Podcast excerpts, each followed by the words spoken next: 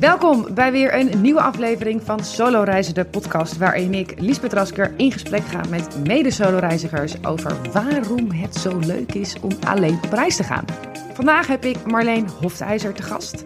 Marleen is 31 jaar, ze woont in Breda en werkt als freelance filmmaker en vlogger. Ze heeft al flink wat van de wereld gezien en reist in haar eentje onder andere naar Australië, Nieuw-Zeeland, Schotland, Panama, Cameroen, Maleisië en nog heel veel meer. Haar langste reis duurde twee jaar en dat deed ze op een heel bijzondere manier. Want in plaats van dat ze in hostels of hotels sliep, sliep ze alleen maar bij locals thuis, op de bank of in een logeerkamer. Daar maakte ze een boek van, Can I Come Over, waarin ze op zoek gaat naar wat thuis zijn betekent voor mensen van over de hele wereld. In het gesprek dat ik met haar had, hebben we het over hoe ze op dit idee kwam, waar ze die slaapplekken vond, want ze doet dit zonder sites als couchsurfing, waarom deze manier van reizen eigenlijk zo leuk is. En natuurlijk hebben we het over veiligheid en privacy. Twee dingen die als alleenreizende vrouw, die ook nog eens bij wildvreemde mensen thuis logeert, toch extra belangrijk zijn. Marleen, welkom bij mij thuis. Ja, dankjewel. Ehm, vertel, jouw soloreis is nogal anders dan wat de meeste mensen doen. Kun Ja, je me klopt. vertellen wat je precies doet en hoe je daarbij bent gekomen? ja, ik ben eh, eigenlijk gewoon freelance fotograaf, filmmaker. Eh, ik woon in Breda. En daar is eigenlijk het idee begonnen omdat ik daar in een eh, ja, gigantische flat woon. in het noordelijk gedeelte van de stad. En dat is een wijk wat heel multicultureel is eigenlijk. Dus iedereen die ik vertelde dat ik in die wijk woon, kreeg ik negatieve respons. Terwijl ik een hele toffe ervaring had met alle mensen die eh, in mijn flat wonen. Zijn 30 nationaliteiten in één flat al. Ja, En ehm, ja, op een gegeven moment ben ik eigenlijk mijn buren gaan fotograferen, omdat ik heel erg nieuwsgierig raakte naar de, ja, wat er eigenlijk nou achter die voordeur Ja. speelde. Want ik wist natuurlijk wel verhalen van mensen die, eh, ja, die vluchtelingen zijn of eh, die, gewoon, die vanuit 30, 40 jaar terug geëmigreerd zijn. En ja. eigenlijk werd ik best wel snel eh, uitgenodigd door mijn buren. En ja, die verhalen waren zo tof. Toen dacht ik, ja, ik ga dit gewoon delen. Dus ik ben die foto's onder andere in de lift opgehangen, maar ook...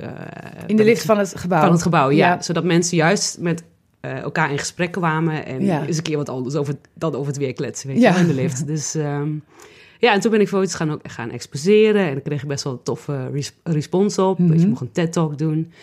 En toen was ik 28 en ik zat wel een beetje in een levensfase dat, weet je, heel veel mensen, vriendinnen om mij heen, kinderen kregen en ik me wel verloren en wat meer eenzaam voelde. En toen dacht ik, ik, wil, ik, wil, ik wilde altijd een keer een wereldreis. Ehm, daarvoor had ik zelf ook al wel veel solo-reizen gemaakt, Mhm. maar nooit echt een hele lange reis. Ja, Dus ik had zoiets van, nou, weet je wel, minstens een jaar voor mijn dertigste, voor dat serieuze... Meteen de diepte ja, precies. Dus toen ehm, ja, had ik eh, eigenlijk bedacht dat ik zou gaan. En met het idee van, waarom fotografeer ik dan niet mensen wereldwijd? Want Mhm. thuis is een heel universeel thema. ja. En ik ben ook iemand die wel een soort van project nodig heeft onderweg. Ik ben niet iemand die alleen maar toeristisch en eh, ja. ja, van, dus van hostel naar hostel trekt. Dus, Ja. eh, ja, En je ging naar Australië, onder andere. onder andere. Ja. En je bent in totaal twee jaar weg geweest? Ja, ja. Hoe is het om zo lang alleen weg te zijn? Eh, nou, ergens heb ik me nooit alleen gevoeld, maar soms wel eenzaam. Ik denk wel dat daar nog weer een, een subtiele verschil in zit. Ja, waar zit het Ehm, verschil voor jou in? Kijk, ik, ik was natuurlijk wel in mijn eentje op pad, maar omdat ik bij mensen thuis kwam, ehm, ja, voelde ik soms wel echt een goede eh, binding met, met, Ja. met soms was het een familie, dan was het bij iemand alleen, bij studenten heb ik gelogeerd. Eh, maar er zijn ook al momenten geweest waarbij ik dan eh, ja, gewoon geen klik had met de mensen. En dan, dan voel je je wel eenzaam, zeg maar. Ja. Dan heb je zoiets van, waar ben ik nou mee bezig? En, eh, Maar het lijkt me ook heel vermoeiend, want reizen is best, is best vermoeiend. En ik, ik ben nooit twee jaar weg geweest, maar wel drie maanden. En daar, dan had ik op een gegeven moment al wel van, pff, ja, jeetje, ik ben kapot. ja. Hoe, hoe, hoe hou je dat twee jaar lang vol? Niet, ik heb ook een breakdown gehad. Ja, Oh ja, Dat- daar- je hebt een burn. ja, daar, gaan, daar komen we zo inderdaad nog op. Ja. Ehm, maar voordat we naar dat onderwerp gaan, ik ben ook nog steeds heel benieuwd natuurlijk. Hoe regel je dit? Want je slaapt elke avond of eh, een paar avonden of één avond bij een vreemd iemand thuis Ja. op de bank in de logeerkamer. Hoe vind je die mensen? Ehm, ik had eigenlijk van tevoren al eh, eigenlijk iedereen om me heen gevraagd: ken jij iemand in het buitenland? En zo had ik gewoon in Google Docs een lijst aangemaakt van uh, oh ja. uh, Azië. Die, die, die kent daar iemand. Dus um, zo had ik al wel wat contacten verzameld. Mm -hmm. Als ik echt niemand kon vinden, dan uh, regelde ik iemand via couchsurfing. Alleen ik probeerde dat te vermijden, omdat die mensen automatisch al heel erg daarvoor openstaan. En ik wilde juist gewoon bij random mensen ja. terechtkomen. Uh, ik heb één keer gehad, toen stond ik, uh, stond ik gewoon even in de fitness. En toen lag ik te stretchen. En toen kwam ik in gesprek met iemand. En de volgende dag sliep ik daar. Het is ook gewoon, Jan, ja, als je over je project vertelt. En ja. mensen staan er wel open voor, dan. Uh, ja, je komt gewoon zeg maar op straat of in de kroeg ja. aan de praat met mensen. Dan, dan, dan lukt dat wel. En kijk, wij zijn dat vanuit Nederland denk ik gewoon niet gewend. Nee, het zit helemaal niet in onze cultuur om zomaar even bij iemand langs te gaan. Ik ken niemand in mijn omgeving die dit nee. zou, iemand zou ontvangen, zeg maar. Nee. Dus. Hoe was, waar, je eerste, je vloog toen je ging naar... Schotland. Schotland. Ja. En toen was daar die eerste nacht dat je bij iemand sliep. Ja. Hoe was dat? En wie was dat? Dat was een. Nou, de eerste die had ik dus wel geregeld. Ja. Uh, dat was uh, uh, een jongen die ik had leren kennen in de kroeg in Breda tijdens carnaval. En hij stootte mijn bier om en nou ja, hij sprak mij in het Engels aan. Dus ik was natuurlijk al meteen getriggerd van, hij is een buitenlander. Ja. Nou, en toen vertelde hij gewoon dat hij... Op dat moment studeerde hij even in Amsterdam, maar hij, hij volgt gewoon een opleiding aan de universiteit in, in Edinburgh. Ja. En nou ja, daar zei hij van, nou ja, als je ooit die kant op komt, doe een berichtje, je bent welkom. Ja, en jij doet dat dan dus? Ja. Ja. ja. En toen nou, ben ik daar. Ik ben de eerste, dat was wel meteen vier nachten volgens mij, niet eens één nachtje. Dus. Ja. En daarna ben ik naar Glasgow, dat was dan de tweede host. En dat is ook via via gegaan, dus uh, via Facebook ook heel veel ja. eigenlijk. En dan kom je daar aan en dan staat hij of zij daar. En heb je dan wel eens het gevoel, oh hell no, hier ga ik niet naar binnen? Of is het eigenlijk altijd leuk? Ja, dat was eigenlijk meteen al bij de. Kijk, dat was de vierde overnachting in Schotland. Ja. Toen kwam ik terecht uh, ja, dit is de eerste jongen was er iemand uit Ecuador, de tweede Nederlander, de derde was dus wel echt een Schotse dame. En toen die, die vierde nacht, toen sliep ik dus bij een, een kennis van haar, zeg maar. En ik kwam daar binnen en het was gewoon één grote puinzooi. Er liepen konijnen rond in de keuken en keutens lagen overal oh, en het stond naar kattenpies. En oh, het waren echt van die verzamelaars, weet je. Ja. Overal in het huis lag iets. Heel gastvriendelijk, je mocht gewoon alles doen en hij bracht je ook rond. En uh, hij was een soort van tourgids eigenlijk. Want er waren ja. nog meer meiden die daar uh, op dat moment ook nog waren. Uh, maar ja, wel heel erg vies. En ik heb best wel wat last van allergieën. Dus ik kan meteen natuurlijk... Ik zat onder het eczeem en een loopneus. En ik sliep toen in een soort van ingebouwde holletje in een kast of zo. Ik stak met mijn voeten eronderuit als ik heel raar gezicht. Oh jezus. En dat was dan in het bed van hun zoontje, want ze hadden drie kids en dat zoontje was dan negen jaar oud of zo. En, uh, in een kinderbedje. In een kinderbedje, dus bij, met mijn Nederlandse lengte, mijn benen sta ik natuurlijk er volop uit. Dus... Uh, ja, maar ja, je, je moet er wel, ja, je gaat gewoon doorheen. Ja. Vanaf dat moment was het ook zo van, oké, dit is het level. En vanaf hier, het kan eigenlijk niet erger. Nee, dus, precies. Uh... Ja, dat is wel lekker dat je het heel erg in het begin hebt gehad. Ja, ja. ja. En als, uh, ik reis natuurlijk zelf ook in mijn eentje. En uh, als vrouw alleen heb je toch een soort extra radar nodig voor veiligheid om je heen. Ja. Hoe ga je daarmee om? Want als je bij iemand thuis slaapt, dan ben je toch een beetje overgeleverd aan ja, aan, je host. Aan je host ja, ja. ja, zeker. Hoe, uh, hoe heb jij jouw radar ontwikkeld voor uh, een leuke, warme, gastvrije host of een potentieel iemand die je in de mootjes gaat hakken? Ja, ik kreeg heel veel verzoeken van single mannen eigenlijk die... Ik voelde het op een gegeven moment gewoon aan. Ik zeg ja. dat je denkt van ja, hier zit gewoon een dubbele agenda in, waarom die me uitnodigt. Ja. Het is eigenlijk een beetje een soort van conversatie van tevoren, als het meer gaat over van wat je doet en waarom je doet. Als daar interesse is, dan... Ja dan zegt mijn buikgevoel, dit klopt. Um, en, maar ik heb wel een keer gehad dat ik het toch wel naast zat. En toen kreeg ik een verzoek om of ik het met, met hem wilde delen. Ook heel erg out of the blue kwam dat. Dat was toen je er al was, kreeg je dat ja, verzoek? Of, ja, okay, toen was ja. ik er al twee dagen. Ja. En uh, ja, ik, dat was een Iraanse man. En ik, ik denk dat hij ook gewoon niet gewend was... dat iemand gewoon heel geïnteresseerd in hem was. Weet je? Een soort van, ik stelde natuurlijk altijd constant vragen... omdat ik naar een verhaal zocht. En maar goed, hij was eigenlijk het meest direct van ons tweeën. Want hij stond in één keer voor me met de vraag van... Can we have sex? Ik zo, oh. Uh, oh, dat is ook heel romantisch Ja, nee. Ook zo in de keuken vanuit het niets. En toen zei ik zo... Ja, ik weet niet hoe het in jouw cultuur gaat... maar zo werkt het niet helemaal, weet je wel. En toen zei hij daarna nog van... ehm, ja, hij praat ook met zo'n beetje gebrekkig Engels natuurlijk van... First we try and then you can decide. Ik zo... eh, ja, nee, zo werkt het nog steeds niet, ja. Maar ja, toen ben ik daar de volgende dag vertrokken. En Ja. Ja, ja ik denk gewoon naar je luisteren naar je buikgevoel. Dat dat het... eh, Ja. En je hebt dan inmiddels ook wel een sterk ontwikkeld buikgevoel, lijkt me. Bedoel, Ja. Nu, je kan snel iemand lezen, denk ik. Ja, Ja. tenminste, dat gok ik, ja, dat ik dat... eh, Nou ja, blijkbaar. Want je zit hier met een grote lach te Ja. vertellen over je reizen. Dus dat is, eh, is goed gegaan, denk ja, ik. Ja. Het boek gaat er ook over, en je project ook, wat, over de vraag: wat is thuis? Mhm. Wat is voor jou thuis? Ik heb wel gemerkt op reis hoe Nederlands ik ben. Ja, Dat waar, wel, waarin ja. merk je dat? Ehm, toch in je manier van doen. Om een heel simpel voorbeeld te geven, als we gingen hiken en ik, ik liep met andere internationals, dan irriteerde ik me gewoon aan het tempo, bijvoorbeeld, weet je wel? Soort van dat Ging te Nederlands, eh, langzaam. ja, Ja. precies. Dus, eh, of ja, heel, eh, ja, toch wel ongeduldig zijn met, met van alles. En ik, ik zie wel van, ik vind het nu, ik, ik kan nu Nederland veel meer waarderen dan voor mijn reis. Toen was ik heel erg gefocust op, nou, misschien wil ik wel eh, emigreren. Australië, Nieuw-Zeeland zat toen heel erg in mijn hoofd. En Ja. ik heb wel ingezien van, ik, ik kom uit een klein dorpje uit de Achterhoek van een boerderij. En ik- ja, ik zette me altijd heel erg tegen af, maar nu zie ik meer de schoonheid in. En misschien dat ik ooit in de toekomst wel weer die kant uitkeer, Ja. weet je wel. Dus eh, Wat is voor andere mensen thuis? Wat, wat, wat is, wat, hoe, hoe, hoe, benaderen, hoe, hoe, hoe benaderen mensen het concept thuis?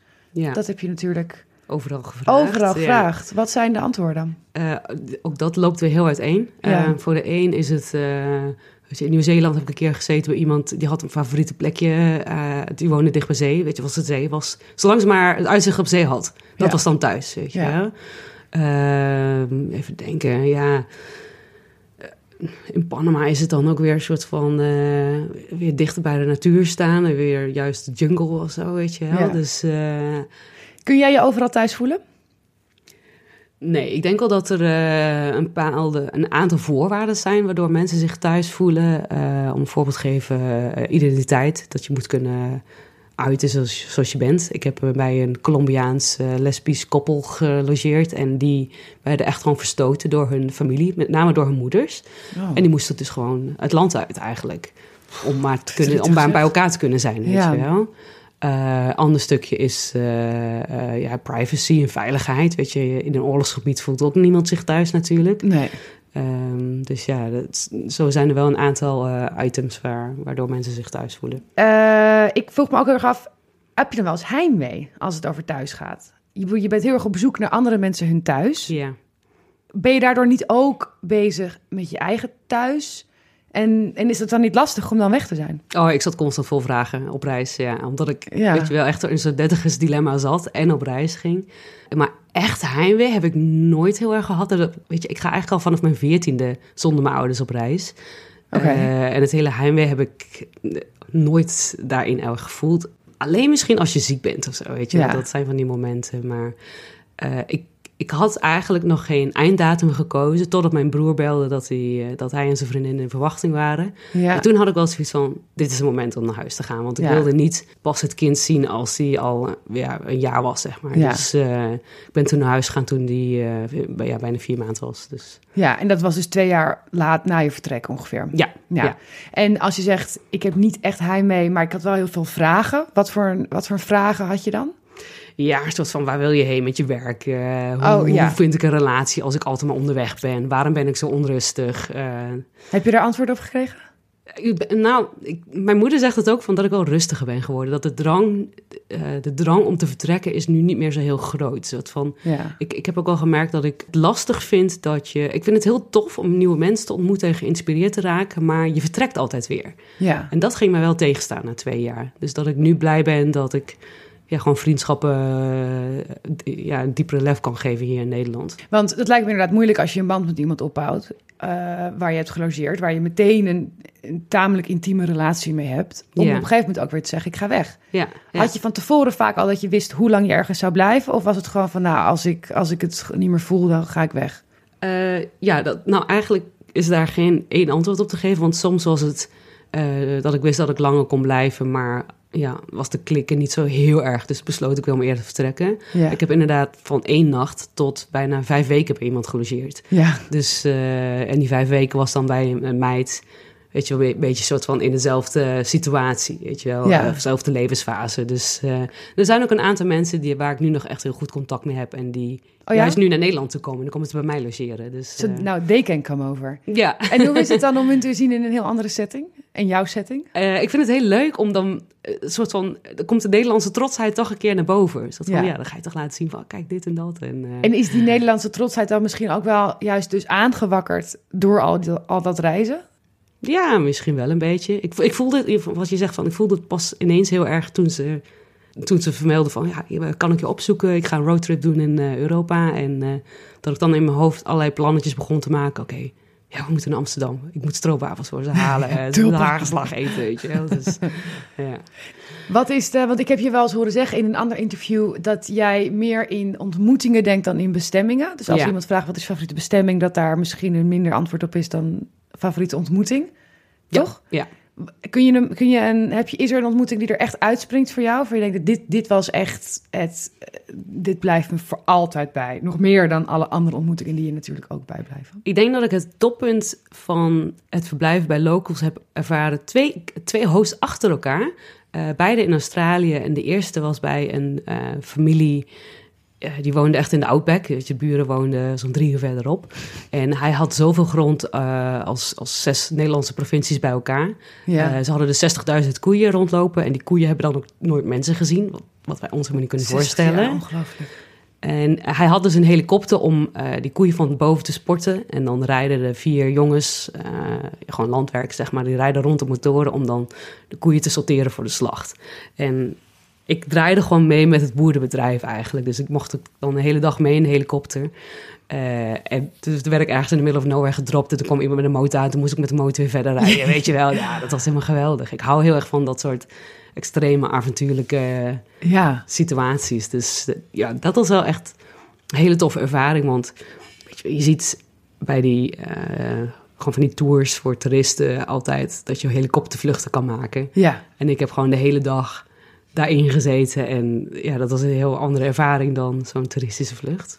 En hoe lang ben je bij die mensen gebleven? Bij die boerderij? Eh ja, bijna 2,5 week. ja. Ja. En daar kan ik me dan voorstellen dat je inderdaad gewoon meegaat in het rijden en zeilen van de boerderij. Ja. Maar op andere plekken, bijvoorbeeld meer in steden of in ieder geval niet op boerderijen, wat doe je dan de hele dag? Ga je, trek je ook met, met je host op? Of gaan die gewoon naar hun werk en laten ze jou vrij? Of hoe, wat is je contact met hun? Ja, soms was het inderdaad dat we gewoon een fulltime baan hebben natuurlijk. Dus eh daar gingen we overdag... eh, Nou ja, ik was natuurlijk ook gewoon aan het werk, weet je. Ik, in eh, Australië heb ik heel veel in toerisme gewerkt. En wat, Dus wat toen, heb je dan gedaan? Ja, dan moest ik tours filmen of helpen met ja. social media, Ja. editen, dat soort dingetjes. Dus daar was ik ook wel gewoon mee bezig. Ja. Soms als ik bij een nieuwe host was.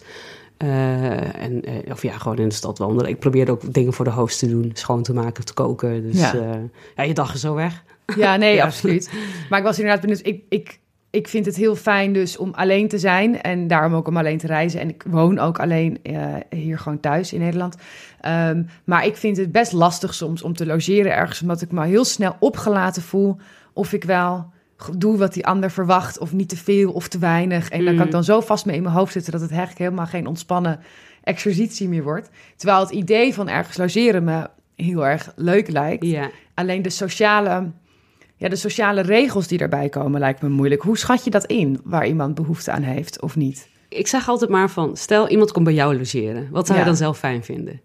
Ja, Dat, dat die persoon gewoon doet wat hij wil. Ook Ja. gewoon een soort van zijn eigen ding doet, toch? ja, ja, zeker. Maar tegelijkertijd zou ik ook willen dat iemand het leuk heeft. En ja, Ja. dat, nou, ja, ik, weet- misschien is dat meer persoonlijk bij mij hoor. Maar dan denk ik van, maar, oh, bied ik wel genoeg dingen aan of doe ik het? Ja, ik zou dat moeilijk Ik, vinden. ik, ik heb wel echt geleerd om dat los te laten. Omdat het, Ja. de host het ook irritant vindt als de hele tijd...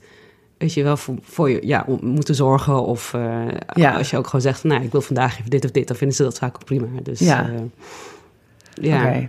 Als je, je leert het loslaten als je zo lang... eh, Ja, doet. precies. Ja, Je moet wel, Ja, je moet wel, inderdaad.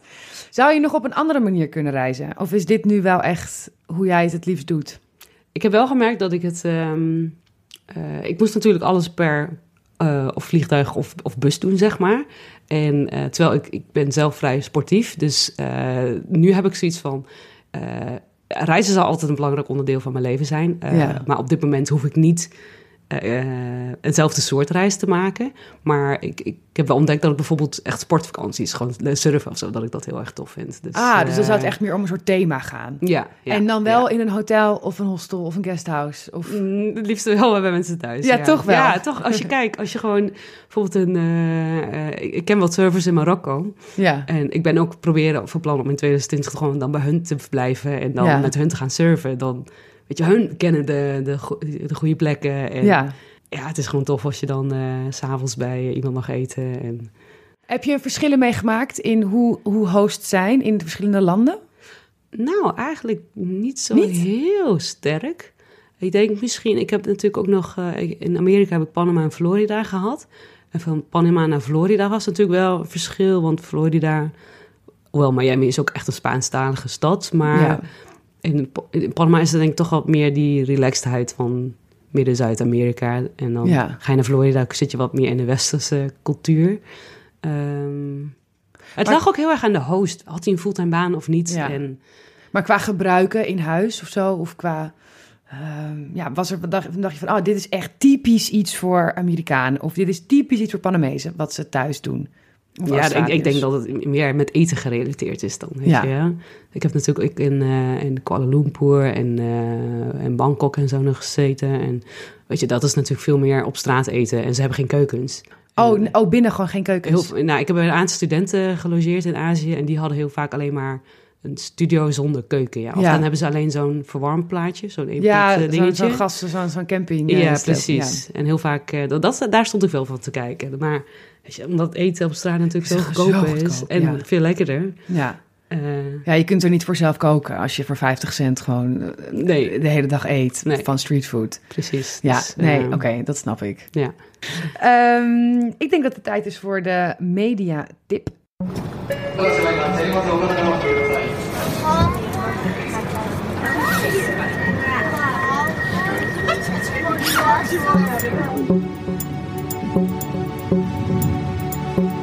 Een van de fijnste dingen vind ik tijdens het reizen om te luisteren naar podcasts. Mm. Eh, lekker in de bus, de trein, naar buiten staren. Ehm, of een Netflix-serie te downloaden. Kan op je telefoon, dus dan heb je in het vliegtuig eh, ook nog wat te doen. Ehm, en deze week wil ik graag de Netflix-serie Don't Fuck With Cats aanraden. Ik weet niet of je die hebt Nee, gezien. die ken ik niet, nee. Het is een driedelige documentaire serie. Ik heb hem eh, op een vrijdagavond gekeken. Ik begon er om negen uur aan en ik was om twee uur 's middags, of eh, twee uur s'nachts pas klaar, omdat ik niet meer kon stoppen met kijken. En het gaat over. ehm, ik moet niet te veel verklappen. Het is de klopjacht op iemand die afschuwelijke video's online zet. waarin hij hele nare dingen doet met katten. En de eerste kwartier zat ik echt bijna huilend voor mijn laptop. omdat het zo naar is om te horen wat er gebeurt. Maar die documentaire die maakt een soort wending, waardoor je aan het eind ervan echt hardop what the fuck zit te roepen naar je scherm. En ik weet zeker dat elke vlucht of vertraging hier heel snel mee doorgekomen wordt, omdat het zo ontzettend spannend is. Dus die kan ik jullie in ieder geval van harte aanraden. En eh, qua podcast wilde ik Heavyweight aanraden. Ken je die toevallig? Nee. nee. is van eh, Gimlet Media, een heel, heel groot productiebedrijf uit Amerika. En eh, Jonathan Weinstein is de host hiervan. Mhm. En die lost in elke aflevering klein menselijk leed op dat heel zwaar op iemands schouders drukt. Dus het zijn ontzettend mooie verhalen van bijvoorbeeld eh, twee zusjes die nu 30 zijn en die toen zij 14 of 15 waren een oppas hadden waar ze allebei heel erg fan van waren. En die verdween opeens van de ene op de andere dag. Toen kwam ze niet meer bij hun werken. En zij hebben hun hele leven afgevraagd wat er met haar gebeurd is. En dan gaat dus die Jonathan, die gaat opzoeken Oh, waar zij nu woont, 15 jaar later. En waarom ze toen wegging. En het is, het is hartverwarmend mooie radio. Mm. En het zijn echt hele mooie verhalen van ongeveer 40 minuten. En aan het eind denk je altijd, ach, de wereld is goed. En de mensheid heeft inderdaad het beste met me voor. Eh, dus Don't Fuck With Cats en Heavyweight kan ik je enorm aanraden. Leuk. Dan zijn we bij eh, het volgende, want er zijn natuurlijk ook nadelen aan solo reizen en Hm. aan de manier waarop jij reist, denk ik. Wat zijn nadelen die jij hebt ervaren? Eh, ja, dat je er alleen voor staat natuurlijk. Ehm, om een voorbeeld te geven, ik heb ehm, vrij heftig ongeluk gehad in Cameroen. eh, daar zat ik achter op de motor. En eh, dat was eigenlijk nadat ik bij die boerenfamilie had gelogeerd. Toen moesten we, nou, ik zat vier uur lang achter op de motor terug. En ik genoot er heel erg van, want lekker Ja. warme zon natuurlijk. En je kan om je heen kijken. Eh, en ik had er drie dagen lang dezelfde kleren aan. Want ja, ik had al mijn filmapparatuur mee. En, en meer kon er niet bij dan eh tandenbossen en nog een onderbroek, zeg maar. Ehm, dus toen kwamen eindelijk weer aan in de stad. En toen had ik me snel even omgekleed, korte broek aan, slippertjes. Want ja, zo reist iedereen daar rond. Ja. En toen werden we, gingen we net downhill, zeg maar, gewoon het- een stukje bergaf was. En dat was net het enige stukje geasfalteerd daar, want de rest is allemaal een soort van zandwegen. En eh, nou, ik zag iemand aan de binnenkant aankomen en die schepte ons onderuit. En ik vloog, nou, ik gleed echt over het asfalt heen. En mijn hele bovenbeen, de huid was helemaal eraf, zeg maar. En Oh, eh, ik de voel het lag helemaal als je het ja. en op dat moment werd ook nog eens mijn tas gejat met eh, Nee. weet ik hoeveel apparatuur erin, weet je. En ik, ik, ik had al die apparatuur nog nodig, want ik, was, ik was er net twee dagen. En ik zat in de taxi en ik was helemaal overstuur en over die, over die tas eigenlijk. Ik had nog niet eens goed naar gekeken wat er met mijn benen aan de hand was. En ehm, nou ja, toen heeft een vrouw dat gezien dat hij gestolen werd. En zij heeft hem gelukkig teruggekregen. En toen zat Nee. ik, had ik mijn tas wel weer. En toen werd ik wat rustiger. Maar dat Oh, zijn wel van die momenten, weet je wel. Dan, dan zit je daar nog een maand door het zand te, te hinkelen met Ja. een knie die nog helemaal open ligt. En gelukkig had ik wel redelijk mensen om me heen die ook echt bezorgd waren. Maar ik denk als je op dat moment niet hebt of zo, dan, dan, dan voel je je wel heel naar. Ja, Ja, dan ben je wel heel ver verwijderd van alles wat je weet Ja. en wat je kent. Ehm, en het kwam al heel even sprake in het begin, maar ik herinner me dit ook uit eh, een andere podcast waar wij samen in hebben gezeten, bij 3FM Tussenuur. eh, dat je zelfs een burn-out hebt gehad. Ja. Ehm, Ja, ik noem het meer een soort van breakdown. een Soort van, het ging gewoon even niet meer. En, Nee. en ik had eventjes een, een, eh, letterlijk een break nodig van Ja. het logeren bij mensen. Kun je daar wat over Ja. vertellen? Want wa- wanneer was dat en, en hoe, hoe ontstond dat? Wat gebeurde er? Eh, dat was, oh, moet ik even denken. Ik denk na anderhalf jaar. Mhm. Of ja, nou, tussen een jaar en anderhalf jaar in ongeveer. En toen kwam ik aan bij Sandy. En dat was een meid die ik nog nooit had ontmoet. Eh dat is ook via Facebook gegaan. Eigenlijk een beetje door de hele Digital Nomad community online... waar ik in die groep zit. En ik ben eh, na Schotland met een Nomad Cruise mee geweest. Dus eh, mensen die online kunnen werken, zeg maar. En zo volgde mij zij een hele tijd. En we hadden gewoon heel leuk Facebook-contact. En ze zei van, nou ja, zij woont in Cairns, helemaal bovenin Australië. En ze zei van, nou ja, als je deze kant uitkomt, uh, je bent welkom. Uh, en daar had ik eigenlijk een soort van ruildeal gemaakt met haar huis... Uh, met de huurder, zeg maar. Want dat, dat was ook, ook een jong stel muzikanten. Dus ik ja. zou wat video's maken en in ruil daarvoor mocht ik gewoon langere tijd daar blijven. Okay. Dus dat, dat was eigenlijk de trigger dat ik voor het eerst van tevoren wist... dat ik gewoon een maand of langer in één plek ja. zou zijn. En toen was het de tweede dag en ik en Sandy klikten gewoon heel goed. Uh, zij is mij ook komen opzoeken in Nederland. Uh, en op een gegeven moment kreeg ik heel erg pijn in mijn kaak. Echt een, een zenuwpijn. Dat zijn van die golven die opkomen en het voelt alsof er een soort van mes in je kaak oh. wordt gestoken. En, en, en dat gaat pas na een minuut weer weg, zeg maar. Ja. En dat kwam om de paar minuten. En nou, ik viel gewoon bijna flauw van de pijn. En nou, toen heeft Sandy mij uh, naar de tandarts gebracht. Want ik heb, uh, ik heb een implantaat.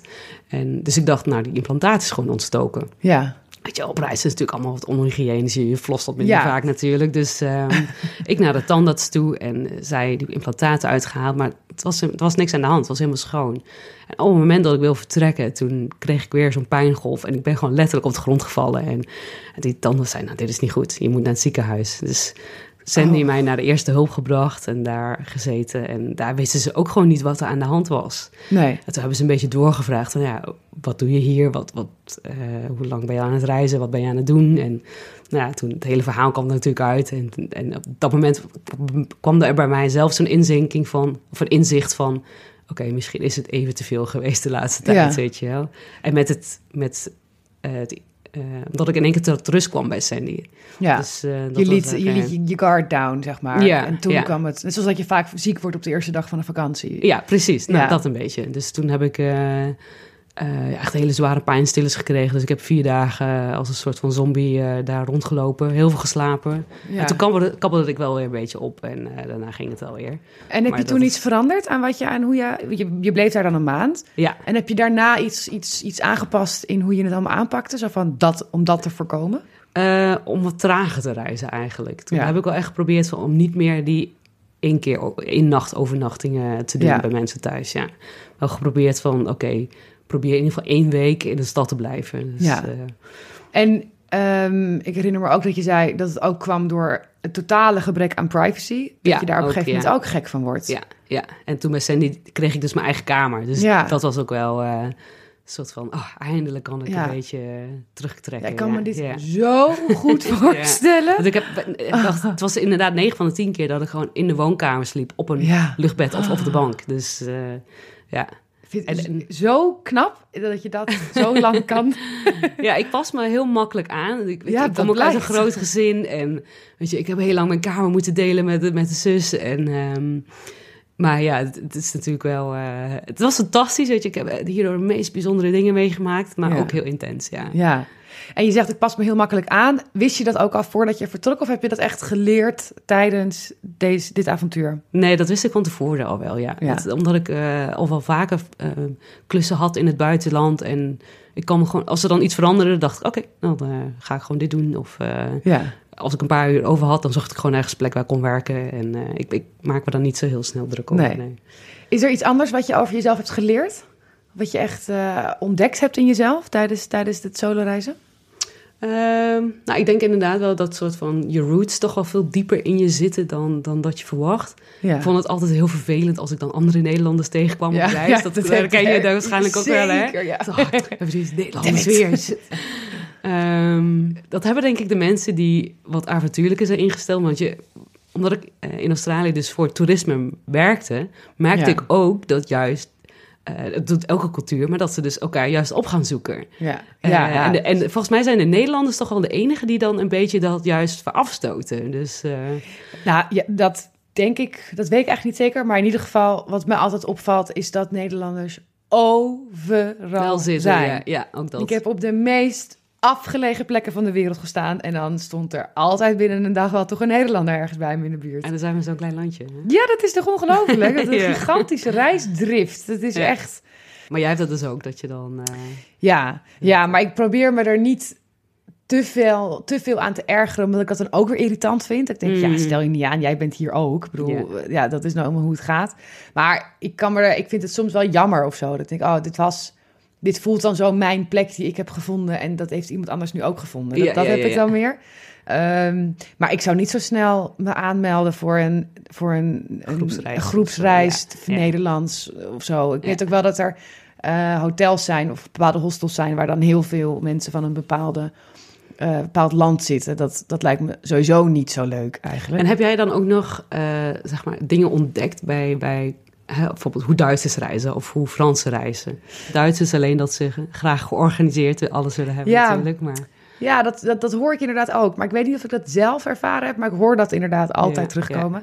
Maar ja, er zijn heel veel clichés gewoon heel erg waar. Dat, Mm. dat is wel wat je gaat merken. wat is de cliché over Nederlanders? Eh, dat heel direct zijn. Ja, En dat merk ik ook wel. Dat vind ik soms ook wel. Dat vergeet ik dan soms. Dat je niet zomaar iedereen kan vragen. What do you think about Trump of zo? Weet je, dat zoveel Mm. mensen sch- klappen daar dan ook van dicht. En of politiek of, of Ja. liefdesgesprekken. Ja, Ja, dat in heel veel culturen is dat toch eh, wat minder vooruitstrevend dan. Nou, vooruitstrevend weet ik eigenlijk niet. Maar in ieder geval bespreekbaar. Hm, ja Eh, maar ik vind dat dus wel een van de leuke dingen van hostels. Dat je dus heel veel verschillende reizigers ontmoet. Waarbij je ook altijd moet waken dat je niet met alleen maar andere reizigers bent. In plaats van met eh, lokale mensen. ja.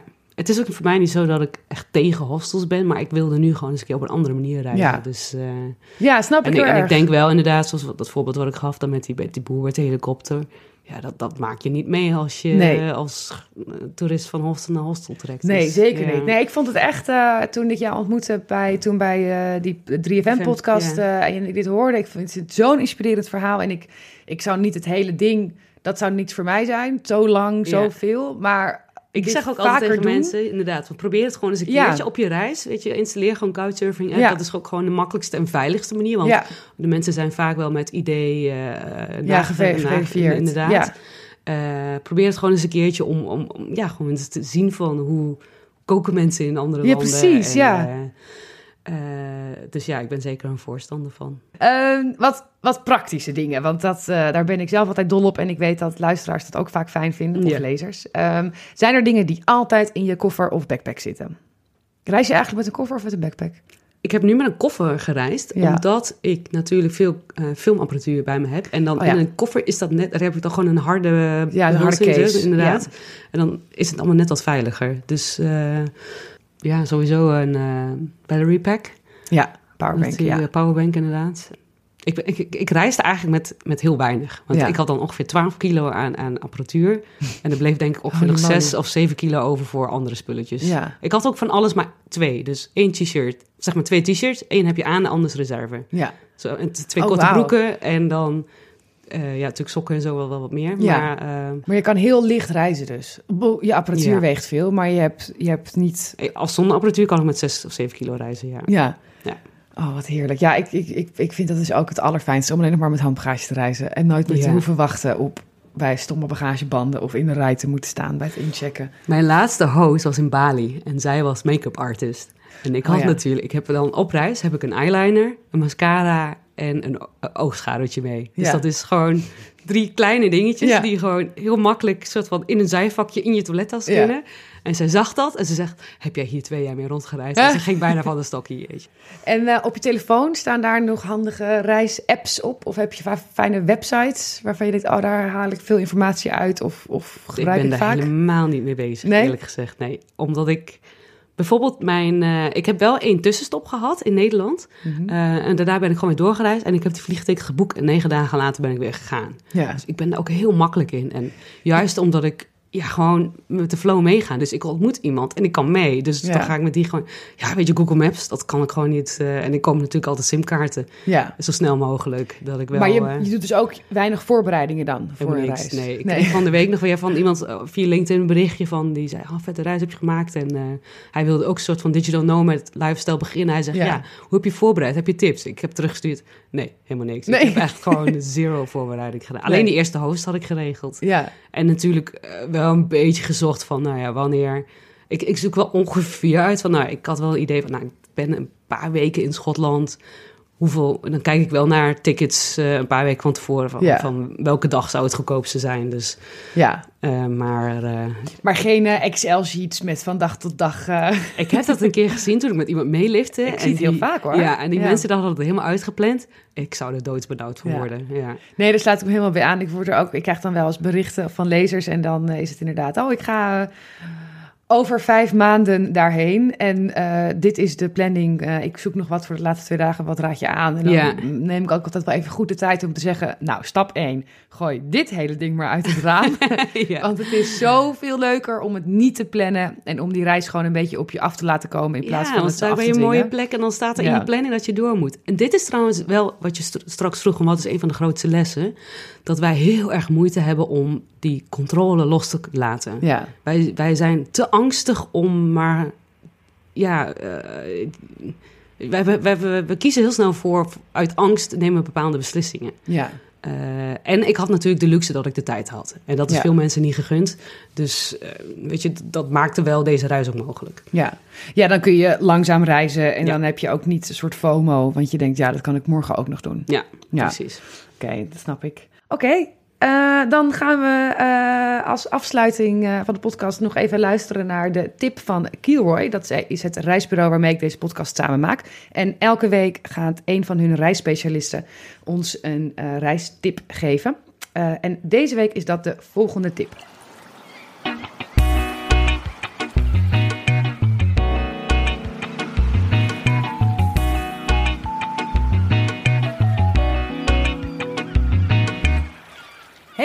Hier Suzanne, reisspecialist bij Kilroy.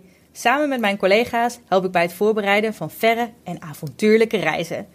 Tijdens mijn reizen ben ik ook wel eens mensen tegengekomen die bij locals verbleven. Zo kwam ik een stel tegen in Argentinië dat werkte op een wijnboerderij en een meisje in Australië dat daar au pair was. Je hoeft dus niet per se op zoek te gaan naar locals die openstaan voor spontane gasten. Er bestaan ook een heleboel platformen waar je adressen kunt vinden van locals waar je kunt verblijven in ruil voor wat werk. Bijvoorbeeld op een boerderij. Dit zijn veilige platformen en zorgen er ook nog eens voor dat je andere reizigers tegenkomt. Super handig als je een klein budget hebt of gewoon super graag bij locals terecht wil komen, maar wel op een veilige manier. Wat ook nog mogelijk is, is om bij gastgezinnen te verblijven. Dit heb ik zelf gedaan toen ik in Costa Rica was. Ik verbleef toen bij een Costa Ricaans gezin terwijl ik Spaanse lessen volgde en werkte als vrijwilliger bij het lokale Animal Rescue Center. Zo'n local living ervaring kan ik iedereen absoluut aanraden. Echt onvergetelijk. Kom bij me langs en ik vertel je er meer over.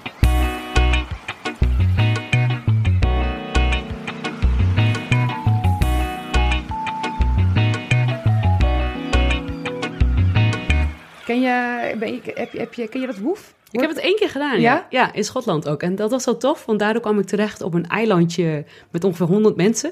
eh, helemaal aan de westkust, Ja. eigenlijk onder eh, Sky. En eh, ja, die, dat was bij een oude meneer. en die, het ging niet, ik heb denk ik drie uur een kwast in mijn handen gehad. het ging er meer over de gezelschap dan echt het klussen, zeg maar. ja. En er was toen nog een andere meid die ook kwam hoeven. En eh, ja, dat was wel, eh, was Nou, wel leuk. Je ja. kunt het aanraden dus. Ja, Oké. ja, inderdaad, goede manier. Andere manier dan couchsurfen, maar wel een eh, handige manier. Oké, leuk. Ik heb het nog nooit gedaan. Het lijkt me ook enig. Maar inderdaad, het lijkt me ook vooral leuk voor als ik een langere reis zou gaan maken. Dat je dan... eh, Nou, tot aller, aller, aller slot. ehm, als mensen nu luisteren en die denken... Oh, ik wil ook in mijn eentje op reis. Maar ik twijfel. Dit is het moment. Wat zou je tegen ze willen zeggen? Gewoon gaan. ja, dat, dat is, ik hoor, dat, dat communiceer ik ook altijd van. Er zijn zoveel mensen die altijd maar blijven twijfelen. En ja, Ja, er is geen andere oplossing dan gewoon doen. ja. Weet je, ik heb ook gewoon die vliegticket geboekt en gewoon gaan. Ja. Dus eh, daar sluit ik me helemaal eh, bij aan. Dat vind ik Ja. eigenlijk ook. Eh, gewoon gaan, inderdaad. Oké, Marleen. Eh, ik vind het heel erg leuk dat je hier was. En dat je je verhaal voor de uitnodiging. Ja, en ik verheug me op je volgende boek. En succes met alle toekomstige projecten en reizen. Ja, gaat helemaal goed komen. Leuk.